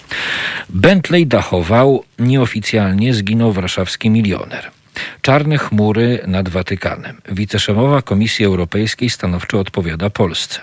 Blokują jelita i wywołują niestrawność. Jedyna taka aktorka na świecie. Jaka będzie nadchodząca zima? Kamil Stoch nokautuje w Wiśle. I tak jest codziennie, pani profesor. Zainteresowanie tą zmianą ja stawiam y, taką tezę, może się okazać, że nie mam racji. Ja mam wrażenie, że zainteresowanie tą zmianą, na którą się zanosi, którą pani widzi bardzo wyraźnie, widzą też inni, to jeszcze nie jest to zainteresowanie, które doprowadzi do zmiany. Y, Panie redaktorze, y, widzę to tak. Po pierwsze, nigdy tak nie było, żeby tak zwany ogół interesował się przemianami. Przecież y, epoka słusznie miniona, poprzednia, też mogła trwać tak długo, że można było latami nazywać protestujących w różnych miejscach garstką warchołów, a jeszcze wcześniej sługusami kapitalizmu, imperializmu czy czegoś tam jeszcze. Już jak garstka warchołów się pokazała, to już, to, to już było światełko w tunelu. No, wie pan, ja nawet mi- mia- miałam taki tekst, kiedyś tu się pochwalę, że pisałem, że jak można było nazywać dziesięciomilionowy ruch społeczny garstką warchołów i że tutaj ta władza no mocno się minęła z rzeczywistością. I teraz jest podobnie. Z jednej strony faktycznie to nie tak zwany ogół, to swego rodzaju elity. Tutaj jakoś nowe się nam być może wykształcą, no w każdym razie zaangażowane jakoś od nowa, y, gdzieś tam obudzą i poprowadzą, ale to musi potrwać. Na razie te elity się jeszcze nie wykształciły. Może to jakiś zaczątek, ale przyznam się, nie widzę. Pytano mnie już o przywództwo, to ja go nie widzę po stronie opozycji politycznej, ale też nie widzę go jeszcze takiego wyraźnego przywództwa, które wie, co, kiedy i po co po stronie protestującej. No zobaczymy, jak się kobiety wyrobią. Daj Boże, z dużą sympatią obserwuję rzecz jasna. Daj Boże, że dołączą inne grupy społeczne, ale to wszystko się dopiero tli. Najpierw rodzi się coś w rodzaju ruchu poziomego. Yy, I kiedyś to były, te pierwsze zwiastuny, kiedyś to był przecież Robcio, KOR, wszystkie te, te y, stowarzyszenia, które potem nabierały rangi i temperamentu i, i włączały się ładnie do krwiobiegu społecznego, więc tu wcale się nie dziwię, że, że tak pan to widzi. Po drugie, jeśli chodzi o portale społeczne generalnie, niekoniecznie ten cytowany i wiadomości, ale o to, co się dzieje w internecie, to panie redaktorze, władza, ja nie wiem, oni chyba krocie wydają na to, ale krótko mówiąc, fabryki troli tak pracują, że gdyby fabryki jakichś, no ja wiem, pożytecznych rzeczy tak pracowały, to my byś- bylibyśmy dużo bogatszym społeczeństwem. Więc tutaj regulują trole nastroje, ale i tak dobrze, że jest ten internet, bo można się skrzyknąć i proszę zauważyć, pewnych rzeczy się już nie utryje. Na przykład, że grupy, że to nie były grupy bojówkarskie wczoraj wśród protestujących, ale normalnie wyszkolone y, grupy tajnej policji różnego autoramentu, więc tak to nazwę, no to prawda już y, obfotografowano, y, obniesiono i, i będą ciągi dalsze. A taka No, informacja, pani dzieje. profesor, a taka informacja, jeśli pani pozwoli, e, przy okazji tych grup, e, szef Biura Operacji Antyterrorystycznych, w skrócie BOA, pan inspektor Dariusz Zięba, zamierza podać się do dymisji, bo bez jego wiedzy wykorzystano ludzi z Biura Operacji Antyterrorystycznych e, do tłumienia tego protestu. Wszyscy widzieliśmy te obrazki, także na antenie Haloradia. E, Z jednej strony e, zapowiedź dymisji, bo bez jego zgody wykorzystano tych ludzi, ale ci ludzie tam z tymi rozkładanymi pałkami teleskopowymi no nie wyglądali jakoś na strasznie pokrzywdzonych i nie wyglądali na wykorzystywanych. No cóż, panie redaktorze, no ale mogło być po prostu tak, że dostali rozkaz od bezpośredniego przełożonego, czyli jakiegoś tam średniego albo nawet niskiego rangą. Ja zupełnie nie znam struktur takich grup. Ale dość często jest tak, że tak zwany główny komendant jest zaskakiwany tym, co się w jego imieniu, w wykonaniu jego ludzi wyprawia. A to też pokazuje, że idzie do wielkiej przemiany, bo w stabilnych y, społeczeństwach tak nie ma. To ja jeszcze panu do tego dodam marketing. A niech się ten pan i podaje do dymisji, nie wiem, może porządny człowiek. Bo ja jak usłyszałam, aż wstyd, y, szefa związków, y, Związku Solidarność policjantów, który twierdził, że oni y, prawda, nie, nie patrzą, jaka to jest demonstracja czyja, tylko zachowują się tam tak, jak tam im nakazują przepisy. To, to tutaj też sobie pomyślałam, wow, nowe idzie, bo przecież jak facet może mówić jeszcze w dodatku w jakimś telewizorze, że oni nie patrzą, czy to czternastoletnia dziewczynka, czy to babcia. I, i tam ze stowarzyszenia babć, czy to chłop jak byk, bądź jak pan czarzasty i, i wszystkich jednakowo, no. Też nie patrzą, czy to poseł, czy nie poseł, bo tutaj te policjanci są zwyczajnie niedoszkoleni i pana Czarzastego pewnie w ferworze walki nie rozpoznali, zobaczyli tylko dużego chłopa, a dużego chłopa to zawsze warto nalać, bo o to nikt się czepiał nie będzie, więc nie te panie, tylko tego pana może. Tam też i z takiej psychologii cosik było. Więc, że takie rzeczy się pojawiają medialnie, to to znaczy, oj, coś się rozsypuje. No i jeszcze jedno, że tworzą się te struktury poziome.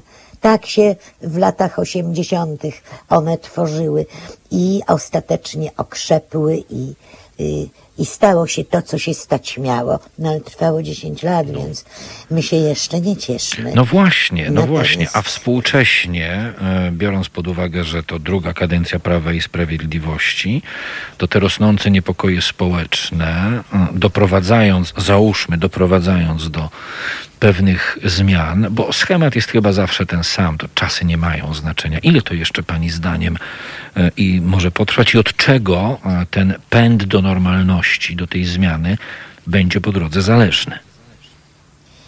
No na pewno od wydarzeń zewnętrznych, a tutaj jak w tych cytowanych newsach mi pan ten Watykan i Unię Europejską wymienił, to się nawet ucieszyłam, ale to może damy radę wrócić do tej problematyki, więc na pewno od tej, od, na pewno pandemia i kryzys gospodarczy, jak mocny będzie, a pandemia kiedy się skończy, bądź kiedy jakoś zaczniemy to sensownie leczyć i ile w, naszych, w naszym życiu społecznym pęknie takich, takich stabilnych kwestii, co do których już przestaliśmy mieć kłopoty. No na przykład takich, że pewne rzeczy będą bądź nie będą w naszych sklepach, będą bądź nie będą nasze sklepy, będzie bądź nie będzie robota, bo łatwo jest zamykać, gorzej otwierać, to wszyscy wiemy, będą czy nie będą pieniądze i tu można wymienić na tę restruktury- restrukturalizację od, od rolnictwa zaczynając,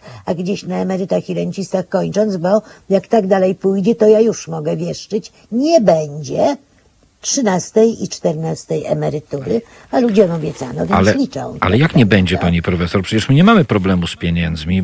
Wszak nie No chcemy właśnie. pieniędzy z Unii Europejskiej, bo jak to powiedział jeden z prominentnych e, eurodeputowanych Prawa i Sprawiedliwości, są państwa w Europie, które mają większe potrzeby niż Polska. I tak, a jedna pani eurodeputowana powiedziała, że właściwie te pieniądze z, Un- z Unii to są wcale nie takie duże, bo tak naprawdę to my sobie wypracowujemy, więc kto jej to podrzucił, jako motto to nie wiem, ale powinna mieć pretensje do tego kogoś, to wszystko jest, tak, i będziemy tego słuchać, wie pan, i dlatego mówię, idzie ku wielkiej przemianie, no znowu jakaś analogia, że y, wtedy, kiedy oficjalne oświadczenia władzy rozmijają się z rzeczywistością, którą widzimy codziennie, w której żyjemy, i to się tak zaczyna rozjeżdżać, y, to w końcu, przepraszam, ale zaczynamy tak społecznie, no będę frywolna, cierpieć na rozdarcie krocza na skutek rozjazdu torów kolejowych.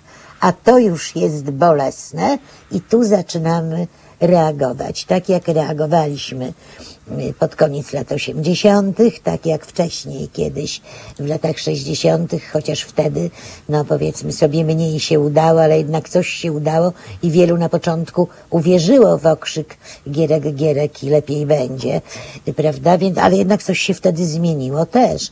Więc kiedy nie potrafię odpowiedzieć, bo to jest tutaj cały układ y, tych, tych, tych takich y, zagadnień, bo przecież nasza wielka przemiana tym razem to nie tylko gospodarka, ale też i ta pandemia, która powoduje, że umieramy nie tylko na koronawirus, bo nam się zupełnie rozpęka służba zdrowia, co wszyscy widzimy, prawda? Że jest więcej zgonów. Podają nam, że na koronawirus też więcej. Niestety tak i to powinno się przeanalizować, dlaczego to tak się dzieje, że niby mniej, bo dlaczego mniej zakażeń, to ja wiem i pan wie, nie te testy i nie w tej ilości wykonywane. Zawsze można podresować statystykę, ale dlaczego częściej umieramy, u, to to już gorzej, a jednocześnie nam się nie podaje na inne choroby, y, jak jak bardzo y, wzrosła ta śmiertelność spowodowana innymi chorobami, których się nie leczy, bo leczenia niektórych y, prawie zupełnie zaprzestano.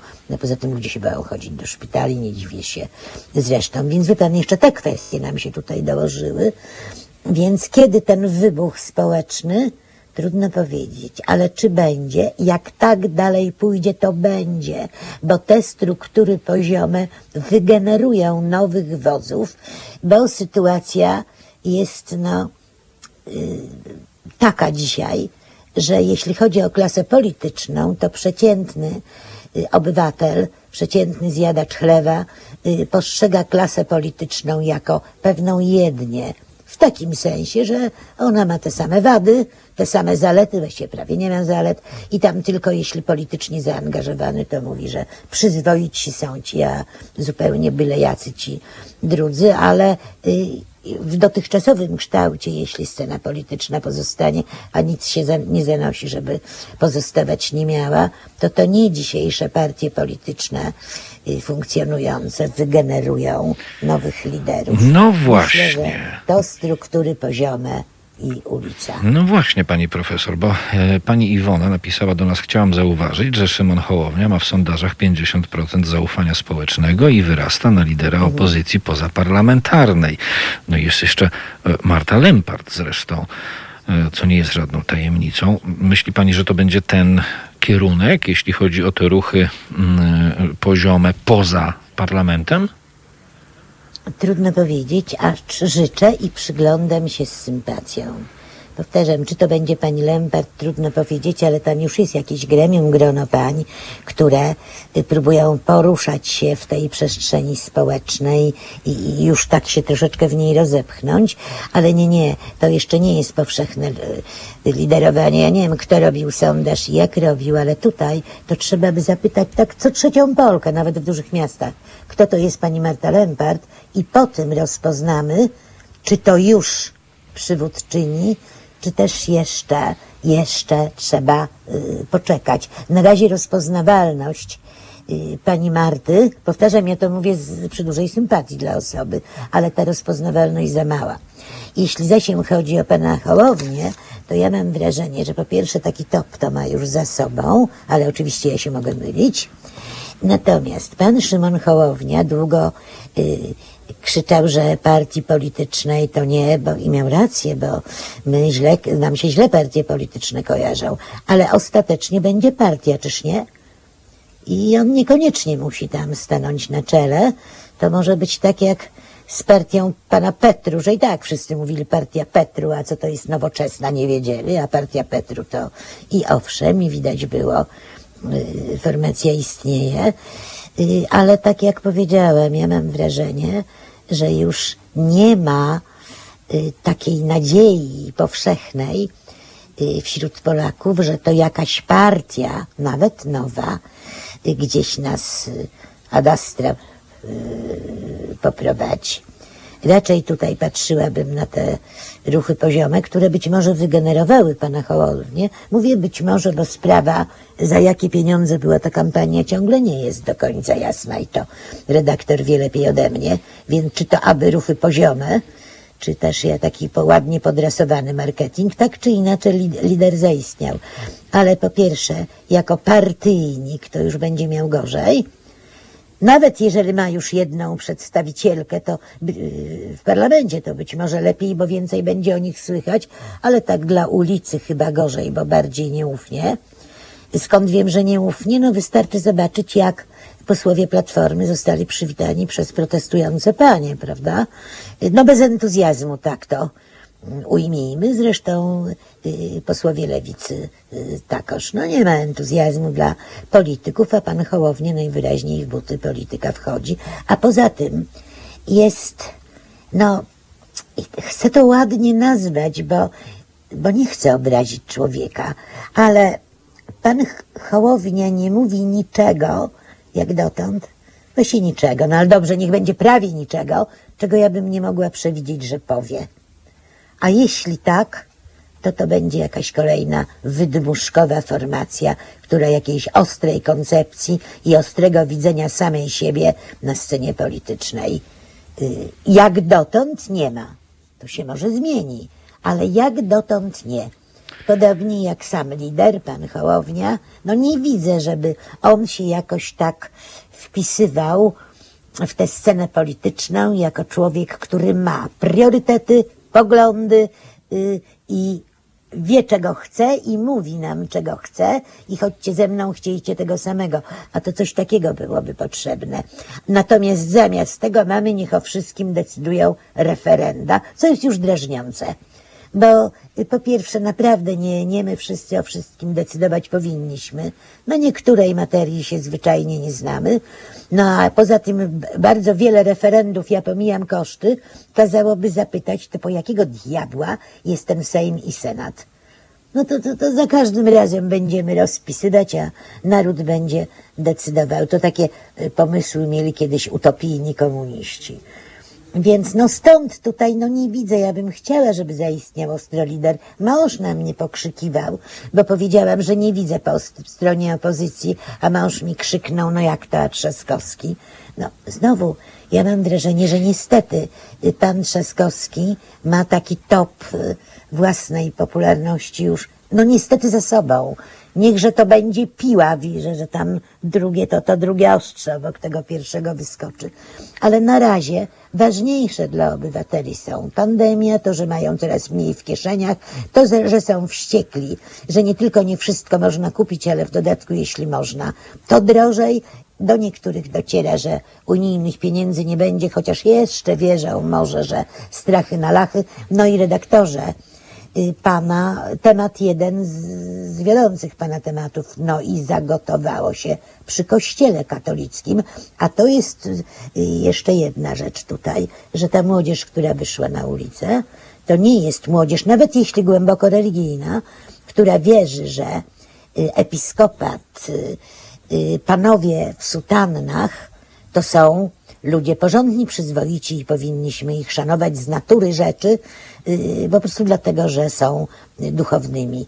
To mija i po tej młodzieży widać, że to mija i coraz częściej postrzega się Kościół katolicki jako kolejną formację polityczną i to w dodatku niepięknie się rysującą. I to są sprawy kościoła gospodarcze, które wyłażą na wierzch, no i oczywiście przede wszystkim te obyczajowe, bo te bulwersują, muszą bulwersować, czyli pada nam znowu piramida kościoła, kolejny autorytet rozsypuje się w naszych oczach, a jak poczytać sobie prasę zachodnią, no to ciągnie za sobą y, niestety Jana Pawła II i, i, i pamięć o nim i, i, i samo postrzeganie osoby, które zresztą na Zachodzie było zawsze nieco bardziej krytyczne niż, niż u nas. No, ale w Niewątpliwie. tej chwili tak się dzieje, że Pan Kamil, jeszcze i to.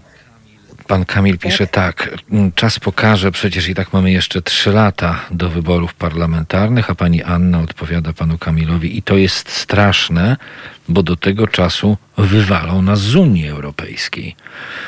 Wywalą nas, y, pani profesor? niekoniecznie musi to być trzy lata. Może być wcześniej, jak rozumiem. Zdanie redaktorze.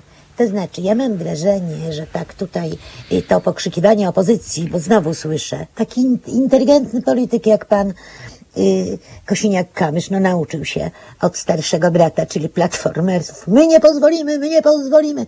To, to jest zupełnie jakby do pana Schetyny chodził na y, korepetycję. Dobrze, ty mi powiedz, jak wy to zrobicie, że nie pozwolicie, bo na razie to tak nie bardzo widzę wyjście. Ale przecież, gdyby narodziły się, to ja teraz se pomarzę, mogę? Zawsze. Bo to jest, mogę redaktorze pomarzyć Zawsze. Tak odpowiadając panu Kam- Kamilowi, bo gdyby narodziły się te takie mocne struktury poziome, obywatelskie, to one mogą pocisnąć swoich posłów. Po prostu pocisnąć swoich posłów i powiedzieć, żeby ci, nie wiem jaką jedynkę prezes dawał, to ty już nie masz łachmy to czego szukać.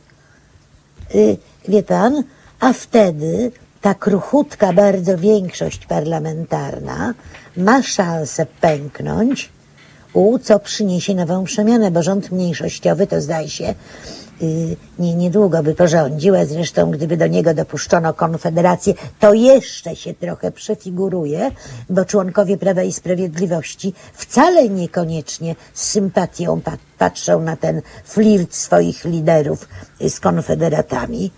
Tam w tym Prawie i Sprawiedliwości jest, jest wielu bardzo przyzwoitych ludzi, sama znam takich i powiedziałyby temu panu Bąkowiczowi, co to, to nie. Więc y, wie pan, to się tak jeszcze może darzyć, no pomarzyłam sobie, ale to jest możliwe, a wtedy byłoby piękne, bo przecież parlamentarzyści dzisiejsi na ogół biegają za tak zwanym miejscem biorącym w następnym parlamencie i tu jest takie, tak, taki czuły punkt i może nam się na przykład zrobią ze dwa, trzy, cztery koła poselskie, z którymi już będzie można inaczej rozmawiać niż, niż do tej pory z takim y, monolitem y, po prawej stronie. To tu jest wiele możliwości, więc wcale niekoniecznie trzy lata. No i jeszcze jedno, ta pani w Unii Europejskiej, jedna z wiceprzewodniczących, co to tam, myśmy na nią strasznie skoczyli, bo ona y, jakoś tak się przejęzyczyła, że to trzeba trochę y, pogłodzić tych, y, tych którzy łamią zasady i normy, ale, ale to, to, to jest bardzo realne, więc my bez kasy y, też jeszcze inaczej spojrzymy na naszych przywódców, bo wtedy się okaże, że własnej nie ma. Przecież jesteśmy ogromnie zadłużonym krajem. Dlaczego tak rzadko się o tym mówi, krzyczy? No może pan ma rację, póki co to znana aktorka nos sobie zmieniła, bardziej interesuje przeciętnego Polaka, ale to można jakoś tak zrobić, żeby te inne rzeczy też zainteresowały.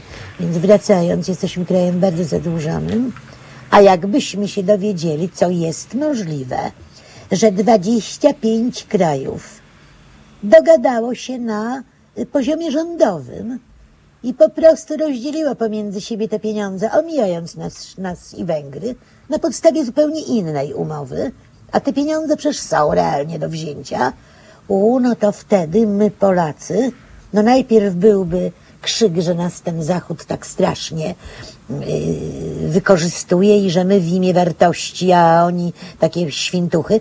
Natomiast potem jakby zaczęło brakować, to dzisiejsi rządzący zaczęliby być postrzegani u bardzo, bardzo inaczej. A jeszcze w dodatku w Stanach Zjednoczonych zmienił się prezydent z bardzo rozchwianego. Tam też zmienił się lider, prawda? My u siebie na razie na to czekamy, ale taki bardzo rozchwiany, emocjonalnie lider, zupełnie nieprzewidywalny, yy, na, na znacznie rozsądniejszego, bo co by nie powiedzieć, no jednak długoletniego dyplomatę, to przecież stamtąd też nie przyjdą okrzyki mówiące, że, że prawda jest świetnie i wspaniale i cacy. No i wtedy to jest, to będzie y, jakby podłoże do nowych rozmów, a to wszystko może się zdarzyć w ciągu, no nie za szybko, ale roku półtora na pewno. Na pewno I zdarzy kurczę, się. nie będziemy już musieli trzy lata czekać. Niewątpliwie. Na pewno zdarzy się mm, wiele w ciągu najbliższego tygodnia. Pani profesor, to ja dziękując za e, dzisiejszy czas poświęcony nam, zapraszam za tydzień. Czy mogę liczyć na to, że przyjmuje Pani zaproszenie? Oczywiście, panie redaktorze, dziękuję pięknie. Jeśli chce pan ze mną rozmawiać, a słuchacze słuchać tego, co, co mówię, to ja bardzo chętnie spotkam się z państwem. Jest, wspieram to radio i wszędzie daję temu wyraz. Dziękujemy pięknie wszyscy. E, Oczywiście, jak zwykle, jestem zobowiązany do przekazania wyrazów serdecznych pozdrowień od naszych słuchaczek i słuchaczy, co niniejszym czynię pani profesor z radością zresztą. Bardzo dziękuję, panie redaktorze. To jest dla mnie wielki komplement. Tylko obawiam się, że jak wszystkie komplementy nieprawda. No ale, ale dziękuję za akurat te miłe tutaj słowa. prawda. Pięknie dziękuję i do usłyszenia za tydzień w takim razie. Wszystkiego dobrego, Do zdrowia życzę. Kłaniam się nisko. 12 minut do godziny 21. E, Pani doktor Ewa Pietrzyk-Zieniewicz, politolożka, była Państwa i moją gościnią. Będzie także za tydzień. Ja kończąc program dzisiaj serdecznie dziękując Państwu za uwagę i za Wasze głosy i za te podstoliki, które się tutaj działy, tematyczne oczywiście, co bardzo cieszy moje wątłe serce. Przypominam, że y, w niedzielę kończy się trzeci tydzień naszej kampanii społecznej. Ile kosztuje nasz Kościół? Od 16 do 23 listopada.